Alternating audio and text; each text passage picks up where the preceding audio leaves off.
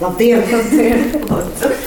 Psiholoģija Jolanta Cihanoviča mani sagaida dzīvoklī, kuru drīzumā plāno pārdot, jo pieņēmusi smagu lēmumu pamest Latviju un pārcelties uz dzīvi Lielbritānijā.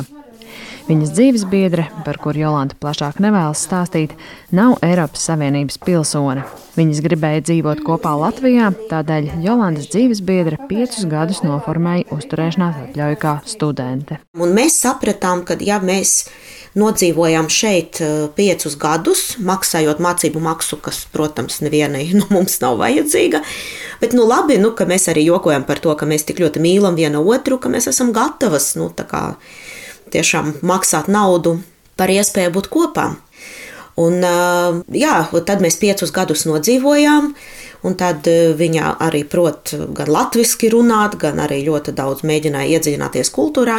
Nu, lūk, un tad mēs aizbraucām, nu, tā kā jau painteresēties par to, kā var kārtot pilsonības eksāmenu.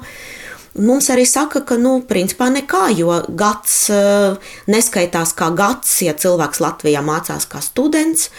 Viņš skaitās kā pusgads, un tad mums ir jānodzīvo šeit vēl pieci gadi, un ja nekas likumdošanā nemainīsies, nu, tad var pretendēt uz pilsonību. Un tad mēs kaut kā padomājām, ka ir par traku. Jolanta Cihanoviča atzīst, ka lēmums aizbraukt nācis smagi, jo vienmēr izjutusi sevi kā piederīgu Latvijai un vēlētos arī turpmāk dzīvot un maksāt nodokļus savā dzimtenē. Vienmēr es esmu bijusi ļoti patriotiska, sakot ar barikādēm un uh, ar vēl tiem 90. gadiem, kad es arī mācīju cilvēkiem runāt latviešu un ļoti gribēju, kā cilvēki šeit jūtās labi, zina valodu, zina kultūru, bet nu, tagad tiešām tagad ir jau tāda sajūta, nu, jā, kad es pamazām attālinos un uh, man nav sajūtas, ka es atgriezīšos. Anglijā Jolanta jau gaida viņas meita un daudz draugu, kuri Latviju pametuši dažādu iemeslu dēļ. Viņai žēl, ka valsts politika to veicina, no vienas puses ceļot trauksmi par demogrāfiju, bet no otras nenākotne soli pretī. Nu, jā, mēs jau varam dzemdēt, bet ja tā vide ir tāda, kas cilvēku neatbalsta, kura saka, ka cilvēki mums nav svarīgi, ka mums ir ļoti svarīgi tikai standarti, un tikai tad, ja tu pierādi, ka tu atbilsti, tikai tad tu vari kaut kā te dzīvot. Nu jā, nu tad tie bērni arī brauks prom. Es domāju, ka aizbraukšana no Latvijas ir uh, katra cilvēka individuāls lēmums. Uh, Tā Jolants Cihanovičs lēmumu komentē Tieslietu ministrijas parlamentārais sekretārs Jānis Iesalnieks no Nacionālās apvienības.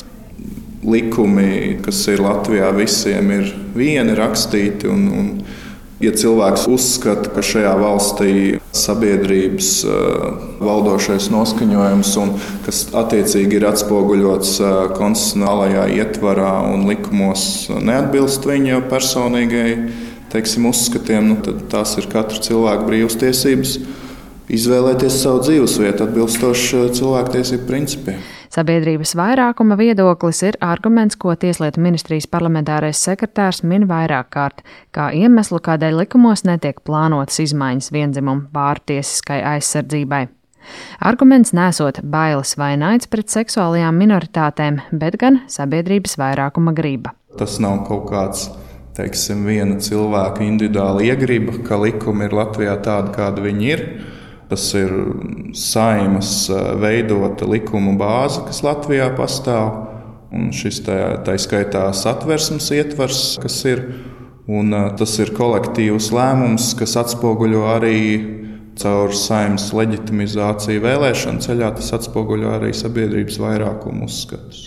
Uz jautājumu, kā Tieslietu ministrija ieteica rīkoties tādiem pāriem kā, piemēram, Jolantai Cihanovičai ar dzīves biedri, iesaulnieks atsaucas uz ministrijas pērn sniegto skaidrojumu seksuālo minoritāšu apvienībai Mozaīka, kā tiesiski sakārtot attiecības ārpus laulības.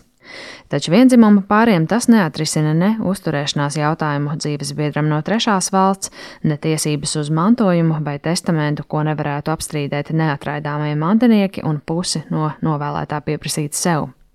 Ar pilnvarām un līgumiem neko nevar mainīt arī procesuālajās tiesībās. Piemēram, administratīvajā un civil procesā vienzimuma partnerim nav tiesību atteikties liecināt pret dzīves biedru.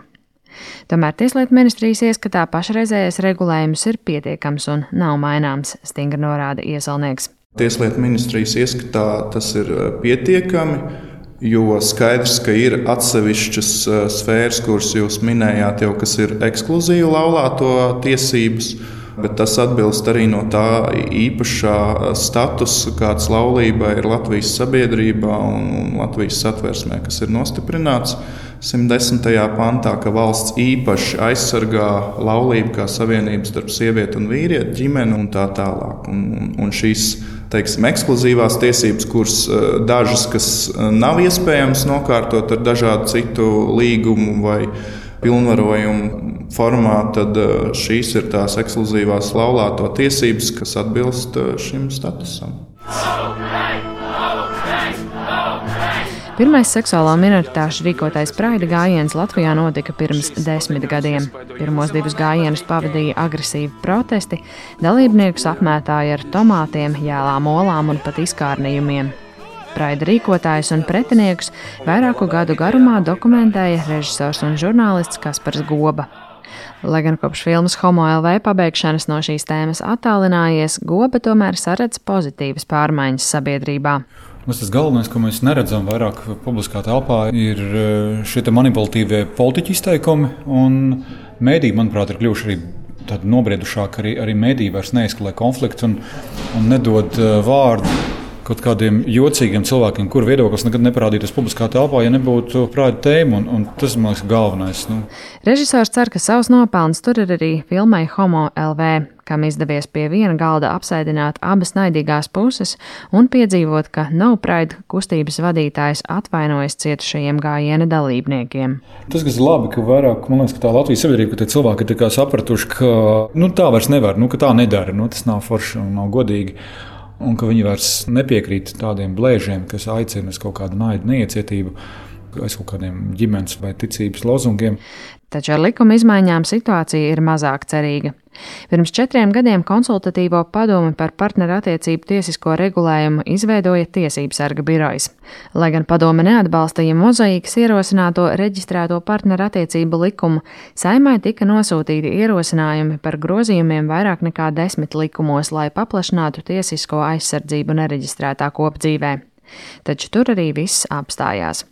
Par to nožēlu pauž tiesības sargs Juris Jansons, lai gan atzīst, ka pašlaik šis jautājums nav biroja prioritāte. Nenotiek kvalitatīvs, godīgs dialogs ar sabiedrību. Daudzos gadījumos, ko mēs arī novērojam, teiksim, arī jautājumos, kas ir mūsu prioritātes, mēs redzam, ka politiķi eh, faktiski diezgan ciniski eh, spēlējās ar to sabiedrību. Viņi mēģina sabiedrības viedokli pakārtot savas dienas kārtības tēmām vai nu, kaut kā tā. Vienalga, vai tas ir bēgļu jautājums, vai tas ir, teiksim, homoseksuālu cilvēku partnerattiecību jautājums, teiksim, par jau juridiskās dimensijās. Politiķiem ir jābūt godīgiem pret sabiedrību, jārunā, un tas viedoklis ir jāņem vērā. Bet nekādā gadījumā nedrīkstētu būt tā, ka à, nu, šajā gadījumā mums tas nav vērti. Nu, to mēs noliekam maliņā. Iespējams, diskusijas par partnerattiecību reģistrāciju atkal saimas dienas kārtībā atgriezīsies rudenī, jo šovasar gaismu ieraudzīs divi apjomīgi pētījumi par juridiskiem sarežģījumiem nereģistrētā kopdzīvē. Iespējams, tiks savākts arī pietiekami daudz balsu par kopdzīves likumu portālā Mana balss LV. Tikmēr psiholoģija Jolanta Cihanoviča ar dzīves biedri likumdevēju debatas vēros jau no attāluma. Viņa cer, ka pienāks laiks, kad Latvijas sabiedrība priecāsies par cilvēkiem, kuri vēlas dzīvot un strādāt Latvijā un reģistrēt savu kopdzīvi neatkarīgi no dzimuma. Māra Rozenberga, Latvijas radio.